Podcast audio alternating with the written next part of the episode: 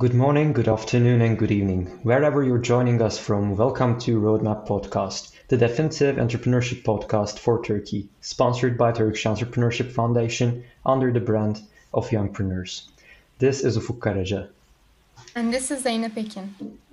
Today, our guest is Mr. Fevzi Güngör, who is CEO of Ödeal Payment Systems, which is an innovative payment service provider for businesses. First of all, thank you for accepting our invitation, and we are very happy to be here with you today. Um, you're welcome. Thank you for having me. Um, it's great to be with uh, entrepreneur. Uh, I mean, uh, people, uh, young people interested in entrepreneurship, um, and as being a, a board member for uh, Entrepreneurship Foundation, I'm delighted to e- even talk about the topic. Thank you, and we are delighted to have you again here. So today we will be partitioning our podcast into three parts. We will talk about yesterday, we will talk about today, and we will finish our chat with talking about tomorrow and what do you expect from tomorrow. So uh, maybe this might be a little like a psychologist's question, you know, going deep into the childhood. But I actually want to ask you about your childhood years and the days that uh, led up to you becoming an entrepreneur and how you developed that spirit, how you got up in the mornings and how you developed yourself day by day. What's your story? I mean, um, I believe entrepreneurship is, uh, first of all, not the Uber profession. Okay, so uh, it, it, I mean, uh, we are not um, in a business which is more valuable than other people. Uh, basically, uh, it, it's what I do as uh, for living, and I like doing it. So um, it's not that I see entrepreneurship as being a distinguished factor in life. Um, when I graduated from high school, um, my father had his own business. So, uh, I mean, my mother's family is from uh, Gaziantep, which is, you know, uh, southeast Turkey. Um, and my father is from Kayseri. So, uh, the, these are both uh, entrepreneurial, uh, cultural, I mean, in culture dis- districts of Turkey. Um, uh, all of them had uh, small but uh, owner managed businesses themselves. Um, even my grandparents ha- have uh, their own businesses. So, uh, I mean, eh, first, uh, I think it's about the culture. It's about the c- culture of doing business. If I was, I mean, a son of uh, a governmental uh, employee's uh, family, um, um, I would have different views about professional life. I would have different views about how to make a living. Um, but as I said, I mean, my family was uh, different. It doesn't necessarily mean that you know um, I uh, had enough resources to sustain my life for the rest of my life. It's not like that. But we were, I mean, above average. Uh, but as I said, I mean, uh, everyone uh, has their own problems in their childhoods, uh, in different scales, in different aspects. Um, so when I look at my life, uh, the, the obviously, I mean, entrepreneurship is not uh, something you do when you're in comfort zone. Okay, so you you need to uh, have an obsession with um, being different.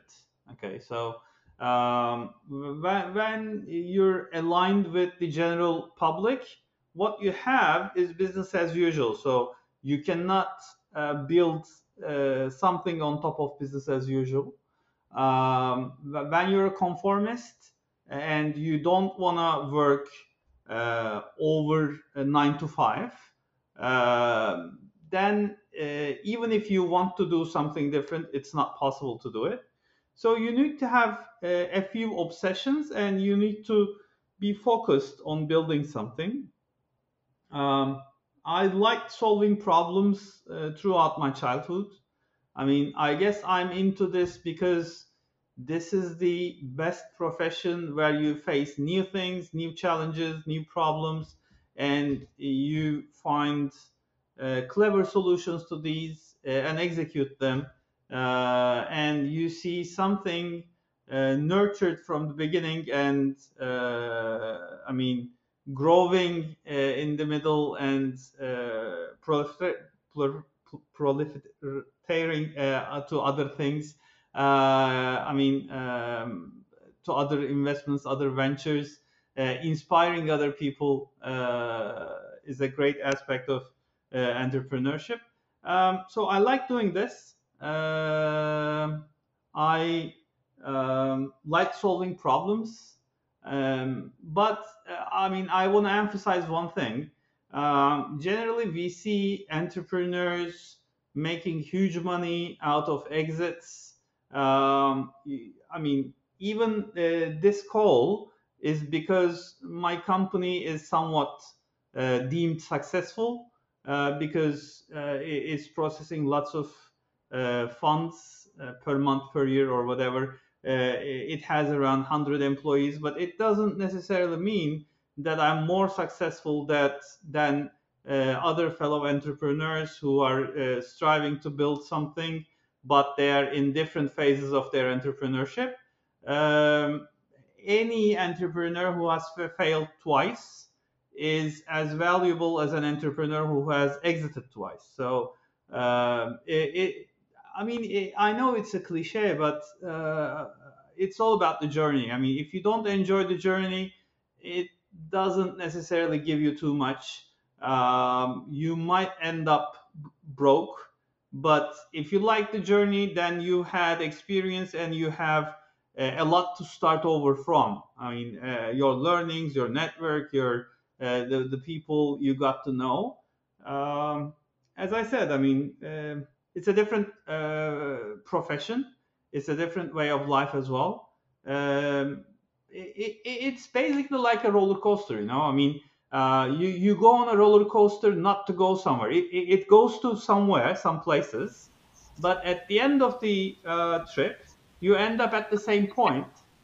okay, but all you've had is the ups and downs and the enjoyment you got through. Of course, in entrepreneurship, when you uh, get out of the uh, cart, um, you, you, end up having some money in your pocket. It doesn't happen in uh, roller coasters, but um, absolutely. I mean, it doesn't have to be like that. I mean, you have to enjoy the journey to get on it first. If you're into it for making money, I mean, if you see um, entrepreneurs doing stupid things with huge loads of money and you just want to be like them, and you're into this uh, just for it, uh, then um, at the end of six months, you realize that no money is coming in yet, and no money will be coming in in the near future. Um, so it's a hard challenge uh, if you're into this for the money. Okay, so but if you're enjoying what you're doing, if you're enjoying building something, solving problems, and um, of course, I mean, money is basically uh, not only a destination, but it's also what we live on. Uh, and if you're uh, if you have to make money in the short term, it, maybe entrepreneurship isn't for everyone. Okay, so uh, keeping that uh, clear state of mind and focus is a challenge while you have to earn a living. Okay, so it may not be easy for a guy with a family to start a business from scratch and not make money for five years or three years or two years or even six months. Um, so uh, when I started entrepreneurship, which is obviously what I did for my whole professional life, I've never had the opportunity to work anywhere else. Uh, it was always my own company, uh, different companies, but always my own. Um, so when I started, of course, it wasn't like this. We had to make money on some uh, business and invest it into others. Uh, it wasn't called uh, entrepreneur. I mean, it wasn't called girişimcilik back then in Turkey. We were doing our own business. Um, but um, I mean, I'm glad that I did it. Um, I generally don't compare myself with others. I when when I try to, um I mean, justify or when I try to evaluate my current point, I generally uh, ask the question: If I had known I would be here uh, when I started, would I have started? Okay, so uh, I mean, That's that's a really great question. Yeah. yeah, Like, uh, I, I've never, uh, luckily, I've never answered this question as no. uh, it, it, the answer has always been yes. Uh, there are two basic reasons to this. First, I was lucky. Okay, so I haven't failed that big that I won't be getting off from the ground. Okay, getting up. Um, so I, I always found a way to get up. And basically, two is that I I don't have um, too high expectations of uh, my professional life. Okay, so um, I've been living at the same standard, which is, I mean, well off. I mean, which is pretty good actually. But uh, I've been living at uh, particularly the same standard for uh, the last 15 years. Uh, however, of course, I made money in 15 years. So uh, my expectation of economical comfort level it doesn't change with the money I make. So uh, it's great if you can answer the, the, that specific question yes. Uh, and the basic reasons uh, I can say yes to it is just like I said. Well, those are great to hear, and I'm honestly very glad that you're happy where you are, because that's what brought us to this recording. And I, I, actually, I know But, but uh, I just wanna I just wanna emphasize one thing else. Yeah. Um, this question is basically not exactly about how much you're worth. Okay, so uh, I've failed and I've failed big times. Uh, I mean, in 2012, um, I was the CEO of a failing company which had distributed tens of millions of dollars of dividends to shareholders. But we had a problem with the bank, and the bank closed the credit account, and it resulted in foreclosing uh, of our houses, even. Okay, so um, they, they went to bankruptcy court and stuff. Uh, I mean, the uh, unpaid due notices were coming from notaries and uh, public offices to co- were coming to houses. E- even back then, um, I I gave the same answer because I mean when, when you, let- let's consider a football game, okay? When you start a match, you know that you, might be able. There are uh, three results, three potential results to a football match. I mean, you start the game with knowing that you might lose at the end.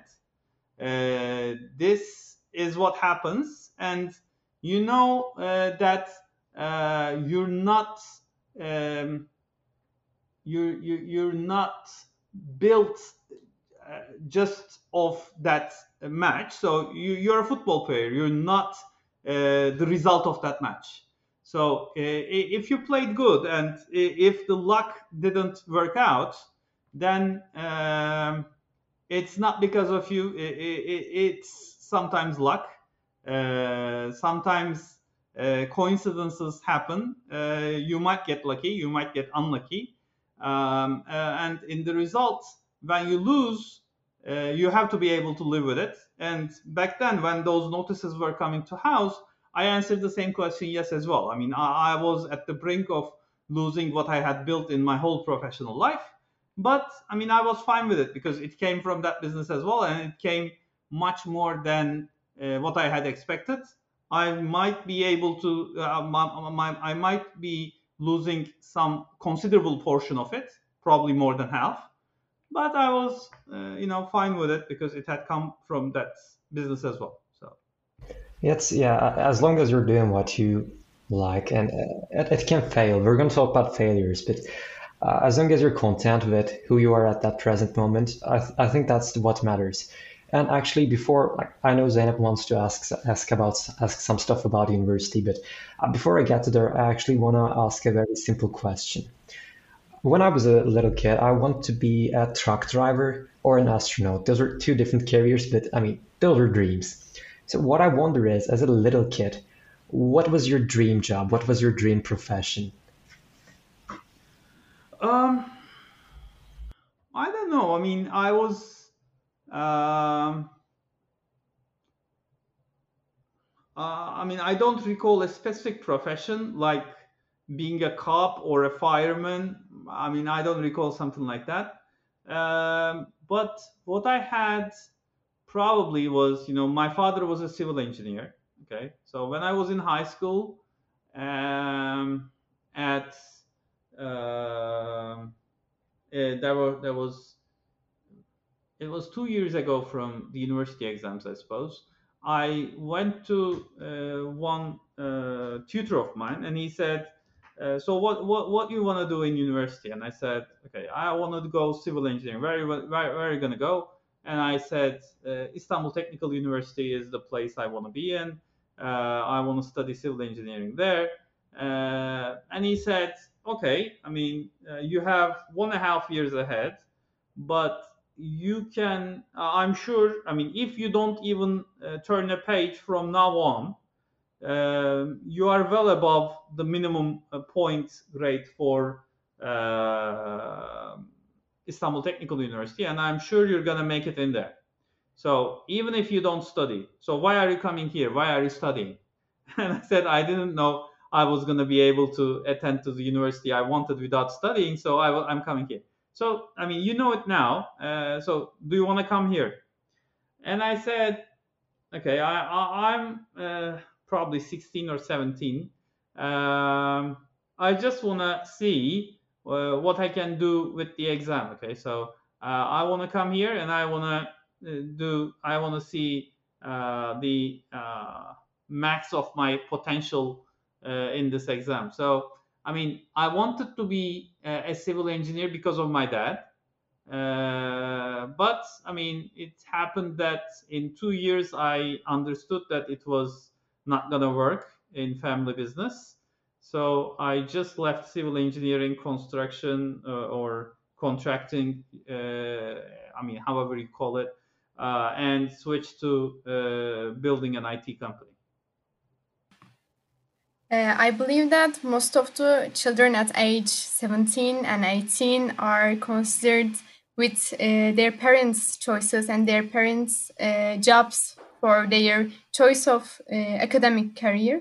So uh, I'm just focusing on uh, about this transition before diving into your entrepreneurship journey and the current situation of Ödeal. We would like to first talk about your life choices that shaped the process between your academic career as a civil engineering student and where you are today.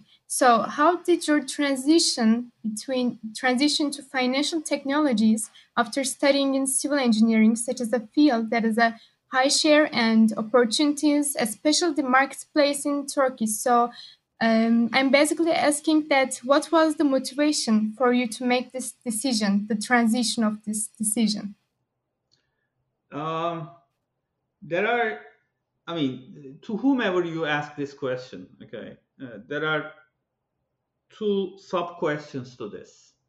First is um, why you left what you're doing okay? And the second is why you chose this after that okay? So uh, sometimes an opportunity comes and it is the reason why you're leaving what you're doing okay? But it's rarely that generally there is a problem with what you're doing and um, you try to get you, you you decide to get out of it first then you uh, look around and see the opportunities around okay so first um, my family had a construction business Okay, so I studied civil engineering.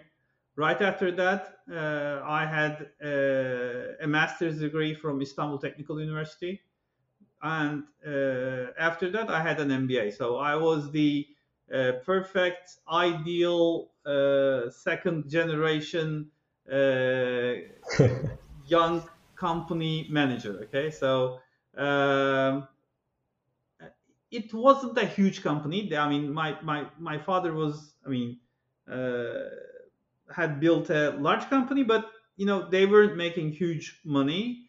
Uh, so we, we they weren't in top 50 construction companies, but they were, I mean, they were good company. Anyway, um, the first thing I noticed that it wasn't gonna work is that it was my father's company. So uh, whatever I do is not gonna be mine eventually. Okay, so uh, whether I built it hundredfold, okay, I, I grew it hundred times, it's not gonna be mine. Um, the second uh, thing I noticed is that I mean, uh, probably the closest thing to you in life is your parents, okay? But uh, in terms of DNA, in terms of culture, whatever. Uh, but eventually, um, those things are uh, not. Those things that doesn't mean that you have the same uh, way of doing business. So, uh, on contrary uh, to general belief, in my family, I was the conservative one. My father is much more visionary and, you know, uh, is uh, a risk taker in that perspective. I mean, uh, even much more than I am. Um, so um, the, the, that's the second aspect which I saw. I mean, um, when uh, I decided not to go on with my family business. And the third aspect to this is what they were doing it was not sustainable in the long run. Um, I quitted uh, construction business in 2002, and when I talked to my friends about this, and they said the construction industry boomed in 2002. Okay, I mean afterwards, the, the, we see lots of different uh, construction and real estate developer companies uh, booming afterwards, but it's not construction that boomed. It's real estate development that boomed.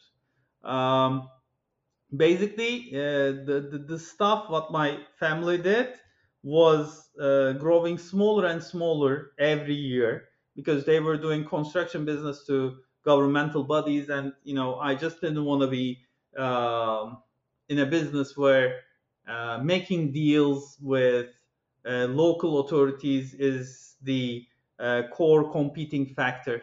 Okay, so uh, and getting bids and contracts out of municipalities and stuff like that is the uh, core business. So, um, but I was doing it. So in 2002 or three, um, I was at a construction site.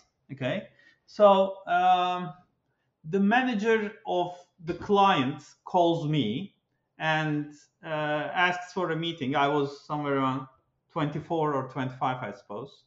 Uh, I'm do I, am just uh, a subcontractor for my family business. I mean, I, I quitted my family business because of these two reasons. But this is the third reason what really pushed me out of construction. So um, I was subcontracting uh, for the family business. I had two construction machines which I rented from somewhere, and I was trying to, you know, uh, build roads and stuff uh, at the uh, client sites. Um, so the client calls me and uh, for a meeting. I just uh, jump to the car and I go to the client, and he says, "Okay, Fevzi, I know we have a contract for the site, okay." But you see the hill, he showed the hill from the window, and you see the hill, we're going to excavate this and dump this into the dump site. Okay. And we're asking for a bid for this. And I said, okay, it's in the construction zone, right? Yeah. He said yes. Uh, so, I mean, I'm supposed to do this along with the contract. We have the pricing in the contract, the unit prices. Okay. So we have to do this and abide to the contract. And he said, okay, this uh, bunch, this job is uh, priced high in your contract, so it's in your favor. So we want to do this outside of the contract. I mean, uh, we want a separate bid for this. Okay. We don't want you to do this in the contract. But it's written that in the site, whatever we do is in the contract. And he said, you can sue us, okay, because um, we have asked for prices. It's nearly, uh, I mean, it's considerably more expensive than uh, the average rate at the market today. The contract is more expensive. So we're asking uh, you to rebid. Back then, the government announced prices and you got the contracts with discount from them.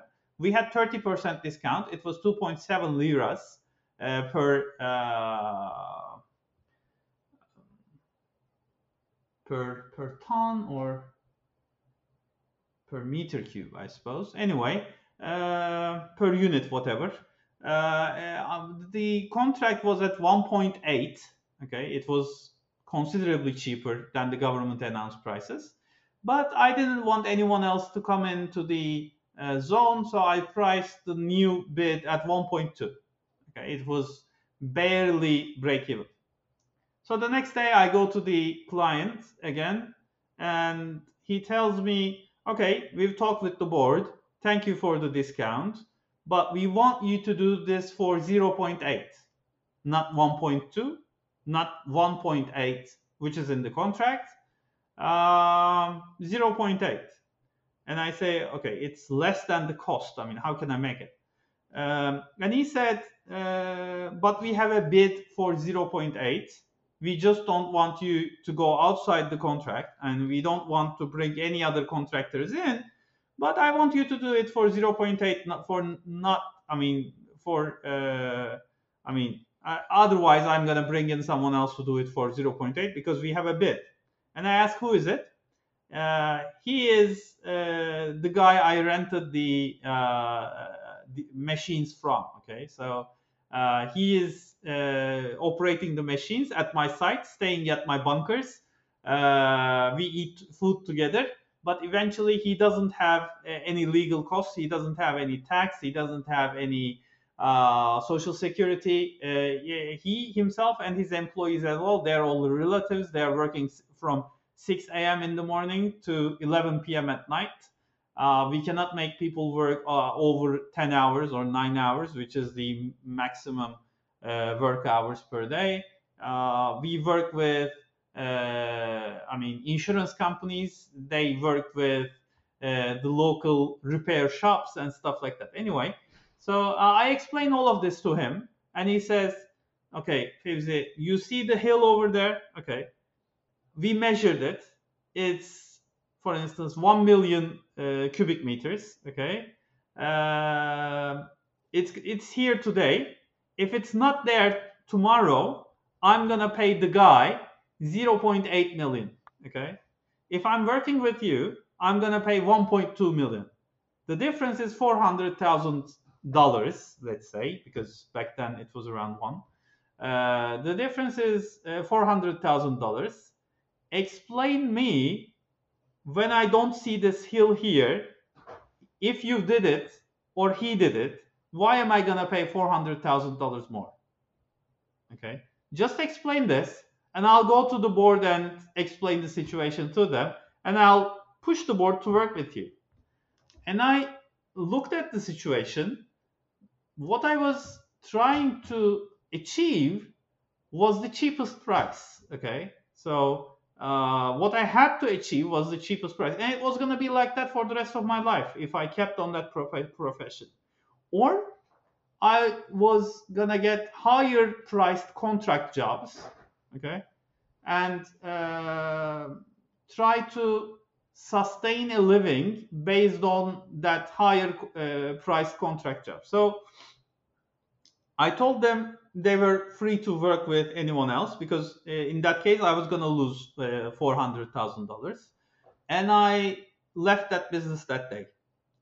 Um, these were the three reasons what pushed me out of my comfort zone. Okay, no one wants to go out of his comfort zone for the sake of its own. Okay, so you need reasons.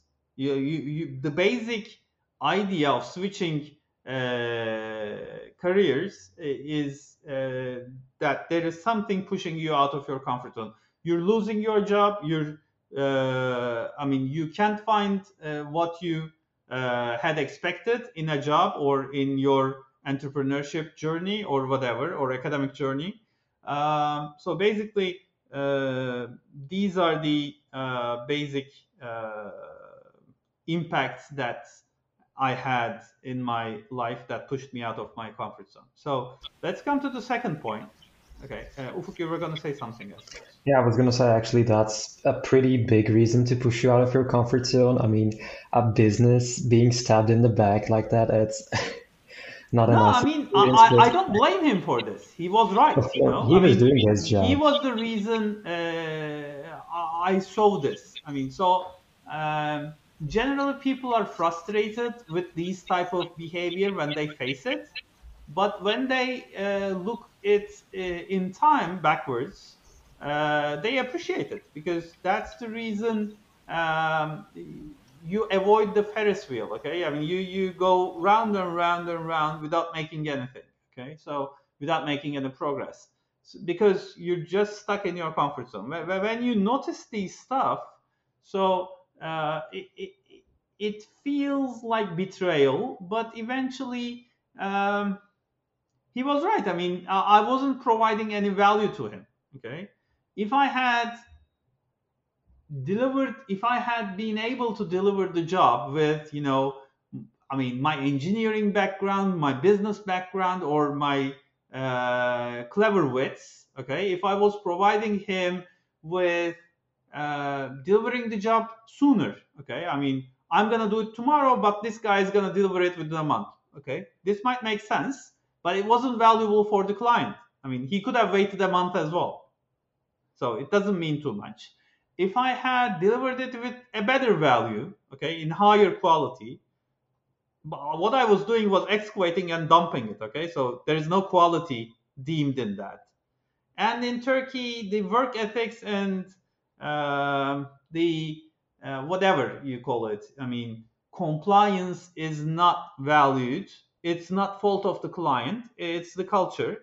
Okay, so uh, I cannot make it happen tomorrow. So what I'm gonna do is either expect it to work miraculously for me, or I'm gonna switch careers. So um, so that day I sat and took a blank sheet of paper like this one, um, and I, I I did something like a SWOT analysis. Okay, and I did I wrote um, my principles for picking a business. I had nothing in mind. Um, I told I, I I decided that I wanted to do a business where I don't negotiate prices with my clients. One, because they are uh, rather smaller than I am, okay, the, than my company is, okay, uh, in terms of scale, in terms of bargaining power, in terms of um, market size. Um, two, because uh, they didn't bring in considerable revenue. I mean, losing one client didn't hurt the business that much. Okay. Uh, this was the first principle I wrote down. The second principle was I wanted to be in a growing industry, not a shrinking one. Okay. Um, the third was I wanted to discuss value and growth with my partners, either vendors or customers. Okay. Um, and I didn't want to discuss price with the vendors or clients. Uh, I, I wanted to discuss the value I, I- my business brought to them. So um, when I wrote this down, um, the there are there were three industries. Uh, I mean, I know it's uh, vague, but there were three industries that were standing out from the rest. Um, the first one was renewable energy. I mean, not renewable energy today, but back in 2002 to 2003. Um, the, the second one was um, I expected it to be popular sooner, uh, but uh, biotechnology. Okay. Luckily, I didn't go into it uh, because uh, you know I was going to be broke for the 20 years until COVID hit. Uh, but um, the third one was information technologies. Okay, so first, due to my construction background, I chose um, renewable energy. Okay, so I found one uh, Norwegian company, I guess, uh, or Danish company, I, I, don't recall, which was building wind farms, okay, turbines, uh, turbines. Uh, so I took a distributorship from them for Turkey. Luckily, that company is uh, the uh, one of the oligopolistic companies in the world now. It's Nordex. There, are two main competitors in the world in wind turbine industry. one is GE, the second is Nordex. I had talked to the guys. They had given me distributorship, but I mean, soon they found that uh, they found out that that I was the only guy that's trying to sell wind turbines uh, out of a catalog. So uh, when they asked me to uh, provide them with a commitment for the year, like buying turbines, okay, and I couldn't provide it because I had no money at all. it didn't work out. Then uh, with uh, i mean i obviously didn't know anything about biotechnology. So what i ended up with was information technology. So i started with it. I mean i started a software company where we designed web pages. Uh, I mean, uh, software, web-based software platforms for companies running their business workflows and stuff like that. And after that, uh, I mean, I ended up building businesses where we did high turnovers, less commissions, uh, less markup, uh, but didn't negotiate anything on prices. We determined our uh, own fees. Um, we first did a, a, call center business where we sold top up for uh, mobile phone clients. Uh, it was a service based company. We did $500 million of transactions there uh, with 2.5 million di- different customers. Okay. Uh, and after that, uh, we built the first mobile payments company in Turkey. Uh, I was one of the co founders there. Uh, we sold it to a private equity. One of our co-founders, we, who was the main entrepreneur of the company, and the CEO went along with the pri- private equity fund, and they sold it to Wirecard, which is the company is now Wirecard in Turkey. And after that, I started out. I mean, it was aligned with the uh, white paper uh, decision principles I wrote on paper. Uh, so it was um, an analytical process. Running Ödeal for the last five years. Yeah. It, it's a pretty analytical process, I see. And uh, well, I, I, want to focus on Ödeal next. Actually, I want to focus on today. So uh, I'm going to wrap up the first chapter. We talked about yesterday and we talked about what brought you to today. So in the next chapters, we will be looking at today and tomorrow.